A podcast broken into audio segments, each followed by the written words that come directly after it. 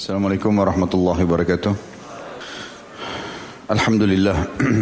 Wassalatu wassalamu ala rasulillah. Segala puji dan puja kehadirat Allah subhanahu wa ta'ala. Juga salawat dan taslim kepada Nabi besar Muhammad sallallahu alaihi wa sahbihi wasallam.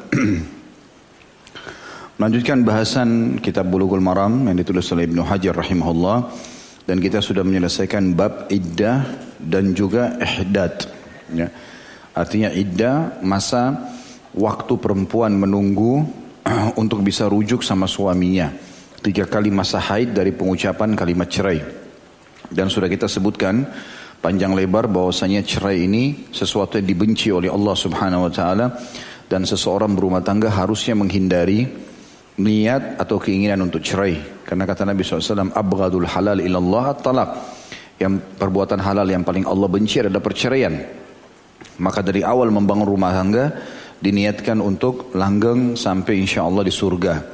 Jadi bukan cuma dunia tapi sampai di akhirat. Karena selama tidak terjadi perceraian maka akan berkumpul bersama-sama di surga kalau seiman. Ya. Kalau laki-laki mengucapkan pun kalimat cerai, saya ceraikan kamu misalnya, maka uh, jatuhlah masa iddah dari pengucapan kalimat tersebut tiga kali masa haid ke depan.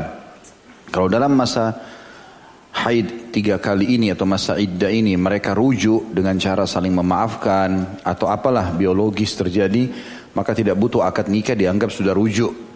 Tapi kalau lewat tiga kali masa haid, maka harus akad nikah baru, wali dan seterusnya. Kembali seperti awal, seakan-akan belum menikah. Kemudian uh, ini terjadi kalau dua kali perceraian. Sebagaimana Allah mengatakan at-talaku marratan. Cerai hanya dua kali boleh kembali. Kalau sudah tiga kali, maka namanya tolak bayin. Tidak ada lagi rujuk kecuali si perempuan menikah dengan laki-laki lain secara normal. Kalau terjadi perceraian dengan suami kedua, baru terbuka variabel untuk bisa kembali dengan mantan suami pertama. Dan ini tidak boleh direkayasa. Kalau direkayasa maka jadi kena laknat. Ini sudah kita jelaskan di bab eh, dosa-dosa uh, besar ya, yang disuruh oleh Imam Madzhabi rahimahullah. Hadis Nabi SAW, la'anallahu al-muhallil wal muhallal lahum. Allah melaknat orang yang uh, bermain-main dalam masalah ini. Dia mengatakan misalnya sama temannya, nikahi ya mantan istri saya, saya sudah ceraikan tiga kali soalnya. Begitu akad selesai akad nikah, kamu ceraikan lagi. Temannya dan dia yang meminta kepada temannya lakukan ini dan temannya yang membantu dia, dua-duanya kena laknat. Jadi nggak boleh. Sementara ihdad adalah istilah yang digunakan bagi wanita yang meninggal suaminya. Maka mereka selama 4 bulan 10 hari tidak boleh keluar rumah kecuali dalam keadaan darurat. Dan ini sudah kita jelaskan panjang lebar dalam bab kita yang lalu. Sekarang kita masuk insya Allah siang ini bab nomor 12, bab susuan. Dan ini sesuatu yang perlu digarisbawahi karena di Indonesia sudah ada istilah donor ASI. Nah, dan donor ASI ini dalam syariat harus ada syarat-syaratnya. Ditulis jelas pemilik ASI itu siapa, ibu itu namanya siapa, karena kalau anak yang disusuin ini sampai kenyang atau memenuhi syarat-syarat syar'i, maka dia menjadi anak susuan yang berarti sama dengan anak kandungnya sendiri. Ya, jadi tidak boleh jadi mahram, tidak boleh menikah.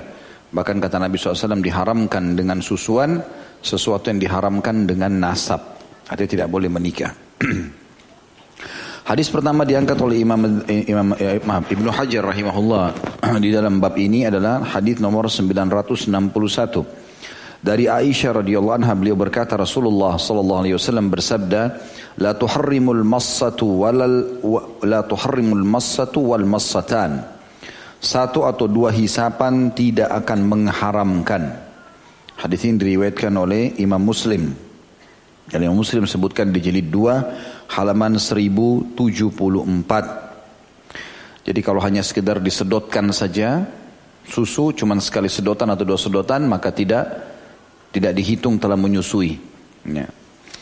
Hadis selanjutnya 962 juga dari beliau atau Aisyah radhiyallahu anha beliau berkata Rasulullah SAW bersabda undurna min ikhwanikunna fa inna marradha'atu minal maja'ah Lihatlah siapa saudara-saudara kalian karena susuan itu hanya disebabkan oleh kelaparan. Hadis ini riwayat Imam Bukhari jadi 3 halaman 323, Imam Muslim jadi 2 halaman 1078.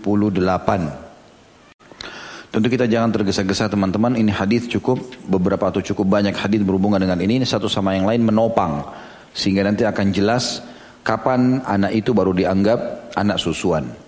Sampai sini hadis yang kedua Nabi SAW menjelaskan kalau seandainya anak itu tidak lapar maka tidak masuk dalam kategori yang dibahas masalah susuan. Tapi kalau anak itu lapar kemudian dia meminumnya biasanya minumannya banyak maka ini bisa masuk dalam masalah istilah susuan. Hadis yang ketiga 963 juga dari Aisyah radhiyallahu anha beliau berkata, "Ja'at Sahlatu bintu Suhailin faqalat, ya Rasulullah, inna Saliman maula Abi Hudzaifah ma'ana fi baitina wa qad balaga ma yablughu ar-rijal." Faqala ardi'ihi tahrumi alaihi.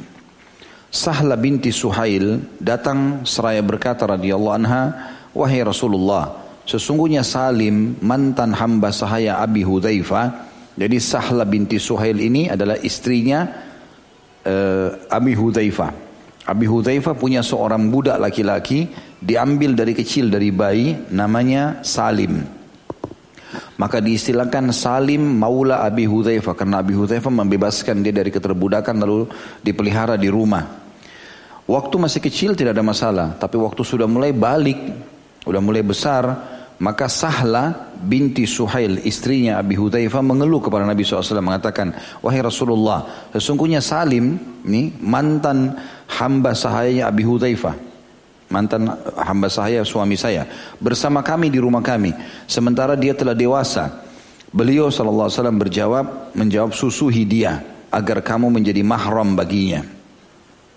Hadis ini diriwayatkan oleh Imam Muslim di jilid 2 halaman 1076.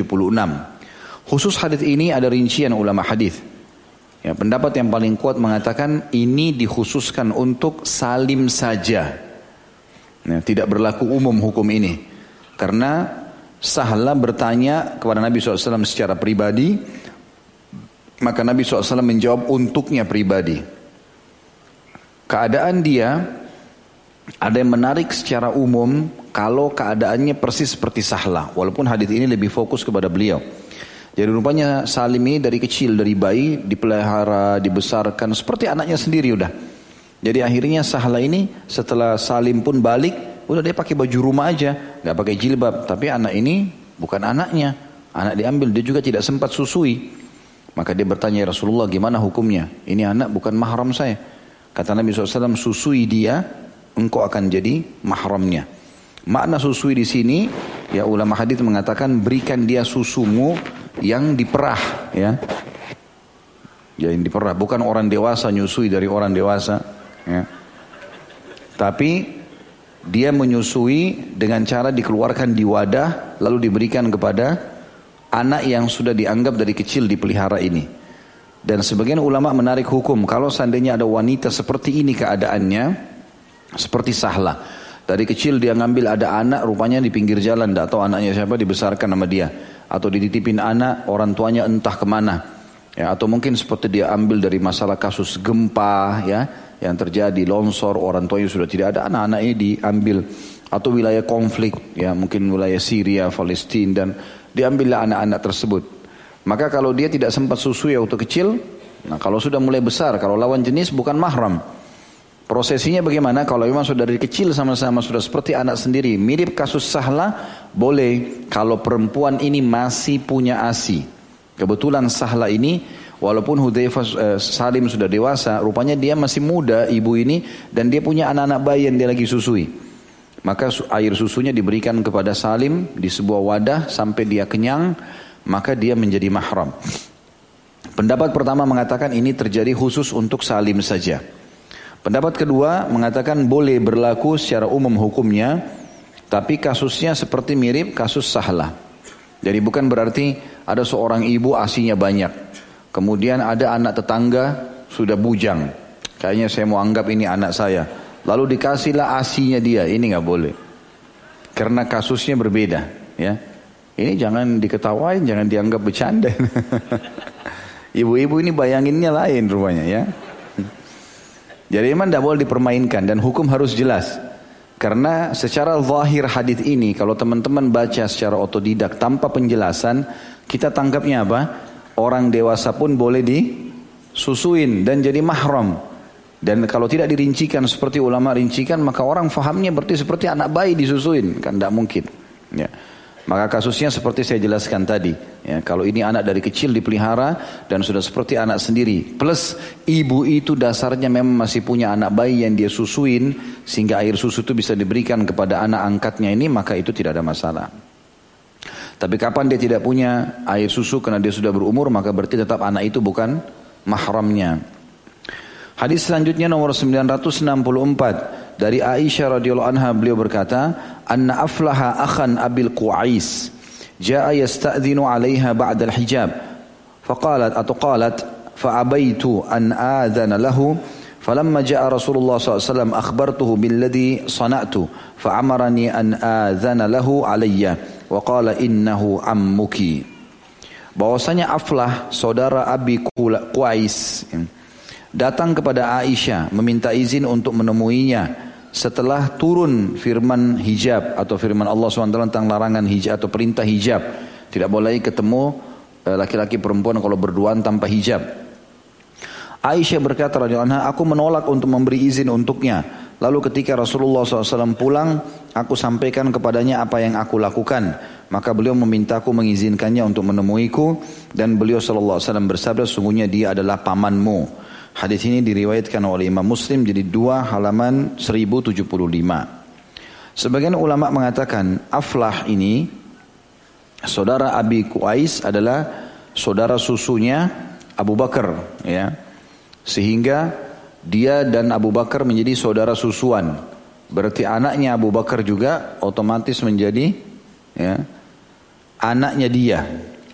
Ya, itu salah satu maknanya. Ada juga yang mengatakan bahwasanya Aisyah pernah disusui di masa kecil oleh saudaranya atau saudarinya Aflah ini. Sehingga saudaranya Aflah atau saudar, saudarinya eh, saudaranya Aflah ini ibu yang eh, saudarinya Aflah yang ibu susuannya Aisyah ini itu menjadi mahramnya Aisyah juga. Hadis 965 juga dari Aisyah radhiyallahu anha beliau berkata, kana fima unzila minal Qur'an ashru radha'atin ma'lumatin yuharrimna. Thumma nusikhna bi khamsin ma'lumat fatufiya Rasulullah SAW wa hiya fima yakra'u minal Qur'an atau yukra'u minal Qur'an hadis ini riwayat Imam Muslim jadi dua halaman 1075 artinya dahulu di antara ayat-ayat yang diturunkan dalam Al-Qur'an kata Aisyah radhiyallahu anha adalah 10 kali susuhan atau susuan yang diketahui dapat mengharamkan. Jadi pertama-tama turun perintah bolehnya menyusui dan akan jadi mahram kalau si bayi 10 kali minum susu sampai kenyang. Baru dia menjadi mahram. Lalu turun ayat mengubah hukum itu menjadi lima kali susuan saja. Sampai kenyang maka dianggap dia sudah mahram. Lalu Rasulullah SAW wafat dan ayat tersebut termasuk yang dibaca di dalam Al-Quran. Ya, berarti riwayat ini, riwayat Imam Muslim ini menekankan bayi itu akan menjadi anak susuan kalau sudah lima kali menyusui dan semuanya dengan posisi sampai kenyang. Jadi bukan hanya sekali isap atau dua kali saja. 966 dari Ibnu Abbas radhiyallahu anhu anna Nabi sallallahu alaihi wasallam urida ala ibnati Hamzah فقال إنها لا تحل لي إنها ابنة أخي من الرضاعة wa yahrumu minar radha'ati ma yahrumu minan nasab bahwasanya Nabi SAW dianjurkan untuk menikahi putri Hamzah maka beliau SAW bersabda, dia tidak halal untukku karena dia adalah putri dari saudara laki-lakiku sesusuan. Dan apa-apa yang haram disebabkan susuan adalah sebagaimana apa-apa yang diharamkan disebabkan oleh nasab. Hadis ini riwayat Bukhari jilid 3 halaman 222, Imam Muslim jadi 2 halaman 1071 dan 1072. Jadi hadis ini saya jelaskan Hamzah radhiyallahu anhu siapa dia? Paman Nabi. Ya, paman Nabi sallallahu alaihi wasallam. Anaknya Hamzah posisinya kalau Hamzah punya anak perempuan dan Nabi sallallahu alaihi wasallam adalah ponakan Hamzah, berarti anak Hamzah ini apa? Sepupu ya. Dan ini boleh menikah. Kita boleh menikah dengan sepupu, anak paman, anak tante boleh menikah, gitu kan. Tetapi di sini sempat Nabi SAW ditawarkan untuk menikahi anaknya Hamzah. Hamzah meninggal di perang Uhud dan Hamzah punya anak perempuan yang sudah gadis. Maka Nabi SAW disuruh nikahi Hamzah. Ini anak paman dan seterusnya. Maka Nabi SAW menolak. Apa alasannya? Hah? Alasannya Nabi SAW karena perempuan ini adalah anak saudara sesusuanku. Apa sebabnya? Karena rupanya Hamzah sama Nabi SAW umurnya tidak beda jauh.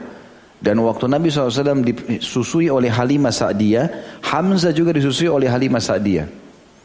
Berarti Hamzah selain paman juga siapa? Saudara susuan. Maka anaknya Hamzah seperti anaknya Nabi.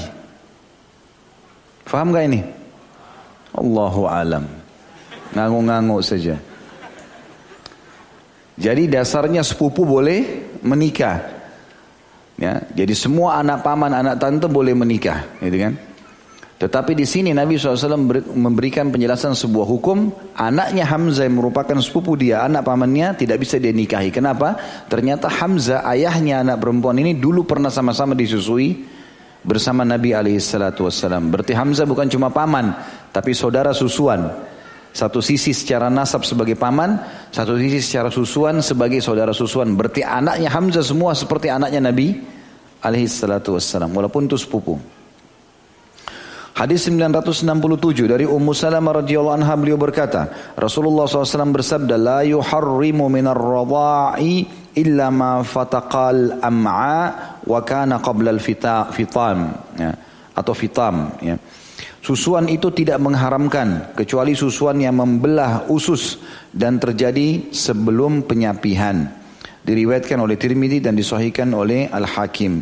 Ini disebutkan Tirmidzi jadi 3 halaman 458 dan juga disebutkan oleh uh, Syekh Albani dalam Kitabul Irwa dan beliau mengatakan sanadnya sahih sesuai dengan syarat Bukhari Muslim.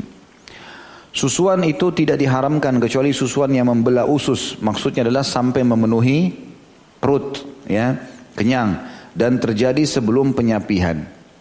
Ya, artinya selama memang dia masih dalam masa penyapian dua tahun, lalu kemudian disusui jadi anak susuan. Hadis ini menjelaskan kalau seandainya lebih dari dua tahun baru disusuin tidak bisa menjadi anak susuan. Makanya tadi saya jelaskan waktu memaparkan hadis Salim Maula Abi Hudzaifah ada dua pendapat. Pendapat yang pertama mengatakan hadis tentang Salim yang sudah dewasa disuruh susui oleh Nabi SAW. Sahala tadi disuruh kasih tumpahkan asinya di wadah kasih Salim. Itu pendapat yang mengatakan ini khusus untuk Salim. Dalilnya juga adalah hadis ini. Kalau Nabi SAW tidak membenarkan susuan kalau sudah lewat masa penyapian.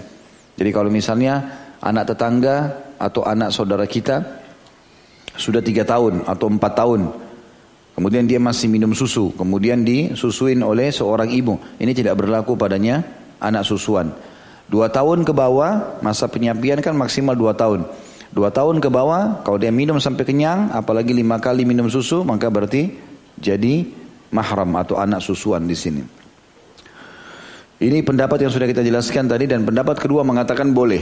Secara umum kalau keadaannya mirip dengan Sahla dan Salim tadi. 968 dari Ibnu Abbas radhiyallahu anhu beliau berkata, "La radha'a illa fil haulain." Tidak ada susuan kecuali yang terjadi dalam dua tahun. Riwayat Darul Qutni dan Ibnu Adi secara marfu dan mauquf dan keduanya menyatakan lebih kuat adalah mauquf. Dan ini mauquf artinya cuma sampai kepada sahabat. Makanya Ibnu Abbas di sini yang berkata, bukan dikatakan sabda Nabi sallallahu alaihi wasallam. Hadis ini menjelaskan kepada kita sebenarnya tentang masalah batas susuan. Ya, batas susuan bayi atau penyapiannya itu dua tahun. Dan itu Allah juga sebutkan dalam Al-Quran. Haulaini kamilaini liman arada an yutimmar radha'ah. Dua tahun berturut-turut bagi orang yang mau menyempurnakan susuan. Tapi di sini ada rincian ulama. Apakah boleh wanita menyusui hanya sehari dua hari? Seminggu dua minggu? Tidak sampai dua tahun? Maka ini khilaf di antara ulama. Ada yang mengatakan tidak boleh. Kalau dia punya asi banyak Allah SWT mudahkan dia susui sampai penyapian, masa penyapian dua tahun. Ini pendapat. Karena Allah SWT mengatakan dua tahun berturut-turut. Dan hadis ini menjelaskan tidak dianggap nyusui itu kalau tidak sampai dua tahun. Gitu Kemudian pendapat yang lain mengatakan tidak, boleh saja. semampunya wanita itu. Kalau dia cuma bisa sebulan, tiga bulan, empat bulan, apalagi kalau punya udur syari, emang dasarnya air susunya hilang, tidak ada lagi. Walaupun dia makan, walaupun dia segala macam sudah nggak bisa. Ada sebagian wanita begitu. Kadang-kadang cuma bisa menyusui dua tiga bulan. Setelah itu tidak ada lagi asinya. Maka ini tidak ada masalah. Allah alam. Pendapat yang paling kuat tentu tentang bolehnya wanita menyusui kurang dari dua tahun. Ya tidak masalah. Baik itu asinya ada atau tidak ada itu nggak ada masalah. Yang penting dia berusaha menyusui semaksimal mungkin. Kalau secara medis sekarang sudah ditelusuri, kalau diteliti kalau tidak salah minimal enam bulan lah. Ya. Nah, setelah enam bulan bayi sudah bisa dibantu dengan makanan-makanan tambahan. Hadis selanjutnya 969. Dari Ibnu Mas'ud radhiyallahu anhu beliau berkata, Rasulullah SAW bersabda, "La radha'a illa ma anshadal azma wa ambatal laham." Tidak ada susuan kecuali susuan yang menguatkan tulang dan menumbuhkan daging. Hadis ini diriwayatkan oleh Abu Dawud jilid 2 halaman 222. Hadis ini mirip dengan tadi ya. Jadi artinya sampai kenyang. Karena kalau hanya satu isapan, dua isapan tidak dianggap itu susuan. Maka di sini lebih menekankan lagi masalah menguatkan tulang. Artinya dia sampai menyusui beberapa kali dan sampai kenyang. Ya, dan kalau mau dihubungkan dengan hadis sebelumnya maka yang paling tepat minimal lima kali menyusui. Dua hadis terakhir dalam bab masalah menyusui ini 970 dari Uqbah bin Harith radhiyallahu anhu annahu tazawwaja umma Yahya bint Abi Ihab فجاءت المرأة فقالت qad arda'tukuma. Fasa'ala Nabi sallallahu alaihi wasallam faqala kaifa wa qad qil fafarakaha uqba fanakahat zaujan gairah bahwasanya telah menikahi Ummu Yahya binti Abi Ihab. Ini seorang perempuan dinikahi oleh seorang laki-laki ya yaitu Uqba bin Al Harith Dimenikahlah dua orang ini. Lalu saudara sudah akad nikah baru selesai akad nikah ada seorang wanita datang seraya berkata, "Aku telah menyusui kalian berdua." Padahal sudah jadi suami istri. Ibu ini rupanya ingat, ini dua-dua dulu waktu kecil saya pernah susuin sampai kenyang. Ini sudah jadi saudara susuan. Lalu ditanyakanlah masalah itu kepada Nabi Shallallahu Alaihi Wasallam, maka beliau bersabda, bagaimana mungkin kalian tetap menjadi suami istri sementara hal tersebut sudah dikatakan. Ada orang yang memberikan kesaksian kalau memang kalian saudara susuan, maka Uqbah menceraikannya, lalu istrinya itu menikah dengan orang lain. Hadis ini diriwayatkan Imam Bukhari jilid 1 halaman 33. Hadis ini memberikan gambaran kepada kita tentang masalah tidak bolehnya menikah saudara susuan. Ya. Makanya kalau memberikan asi harus jelas siapa ibu itu. Kalau ibu si fulan, misalnya namanya Aisyah, dia punya tiga anak perempuan. Kemudian dia susui anak tetangga laki-laki. Maka sampai kenyang, apalagi tadi lima kali disusui sampai kenyang, maka ketiga anak perempuannya menjadi mahramnya anak laki-laki ini. Jadi tidak boleh lagi menikah. Ini berbahaya. Kalau sampai tidak ada datanya, informasinya, kemudian mereka ketemu dewasa, lalu mereka saling suka, mereka menikah, walaupun sudah biologis harus dipisahkan. Ya, harus dipisahkan karena ini dianggap menikah dengan mahram. Jadi tidak boleh, makanya tidak boleh main-main soal ini ya. Ada juga soalnya saya dapat informasi beberapa akhwat kita, mungkin karena asinya banyak, dia setiap kali datang ke rumah seseorang, ada anak bayi dia tawarkan untuk nyusui. Sekarang kalau dia datangi 10 rumahnya orang, berarti 10-10-nya disusuin misalnya. Itu kan jadi masalah. Ada juga orang yang rutin donor ASI. Dia selalu sumbang ke puskesmas atau ke tempatnya. Dan itu disusuin entah anaknya siapa. Mungkin hari ini anak fulan, mungkin besok si fulan. Banyak sekali anak susuannya ini. Dan ini bisa jadi masalah secara hukum nanti kalau dewasa, kalau anak-anak ini ketemu karena misalnya hari ini anak A yang disusuin, sudah sampai kenyang dari asinya ibu tersebut. Besok dia bawa lagi susu baru, disusui lagi anak yang lain. Orang tuanya berbeda, tapi ini sudah saudara susuan. Mirip seperti kasusnya Ukubah ini. Dan mereka nggak boleh nikah. Kalau nikah harus diceraikan. Ya, dianggap itu menikah dengan mahram. Hadis terakhir adalah 971. Maksudnya dalam bab ini dari Ziyad As-Sahmi, beliau berkata, Nah Rasulullah SAW antus tarda'al hamqa. Hadis ini diriwayatkan Abu Daud dan hadis ini mursal karena Ziyad itu bukan sahabat. Dan hadis ini dilemahkan oleh Syekh Albani Hadis ini riwayat Abu Daud di halaman 181. Artinya Rasulullah SAW melarang wanita yang lemah akal dimintai menyusui. Ya, ulama hadis memegangi hadis ini secara zahir maknanya ya. Artinya kalau wanita itu misalnya wanita gila atau ya eh, apa sajalah yang punya masalah secara, atau mungkin sekarang penyakit kronis ya dia asi itu dianjurkan untuk tidak menyusui anak-anak yang lain dikhawatirkan bisa mentransfer penyakit-penyakit itu.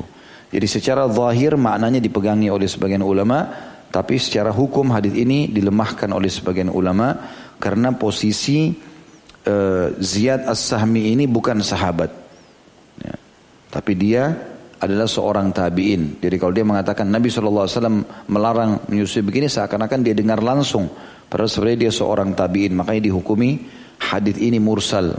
Ya, hadith ini mursal. Tapi secara umum makna hadith ini digunakan. Ya, makna hadith ini digunakan. Mungkin teman-teman bilang, bagaimana bisa orang gila menyusui misalnya? Ada kasus terjadi teman-teman. Jadi di Saudi kemarin ada terjadi seorang dokter cerita sampai dokter itu menangis terisak-isak menceritakan kisah itu. Karena ternyata dia buka praktek ada seorang anak laki-laki masuk ke dalam tempat praktek dia bawa seorang ibu dan ibu itu memakai cadar sebentar dibuka, sebentar ditutup. Jadi seperti orang yang kurang akal si ibu ini. Lalu anak laki-laki tadi memegang tangannya, mengelusnya, kemudian dimarahin sampai kata dokter ini diludahi anak laki-laki itu. Kemudian saya coba ya obatin apa yang dia punya keluhan. Setelah itu saya tanya, siapa orang ini? Kenapa kamu begitu peduli dengan dia? Kata si anak laki-laki ini ibu saya. Loh kok bisa? Ibumu ini kenapa? Ini kan ada masalah kelainan jiwa. Bagaimana ceritanya kamu bisa lahir dari ibu ini? Dia bilang sebenarnya ibu saya ini lahir dalam keadaan gila. Emang sudah tidak normal akalnya. Kemudian eh, ayah saya disuruh oleh keluarga untuk menikahinya. Untuk menikahi. Karena ini sepupu dengan ayah saya. Sebagai bentuk membantu keluarga. Maka ayah saya pun menikahi dia.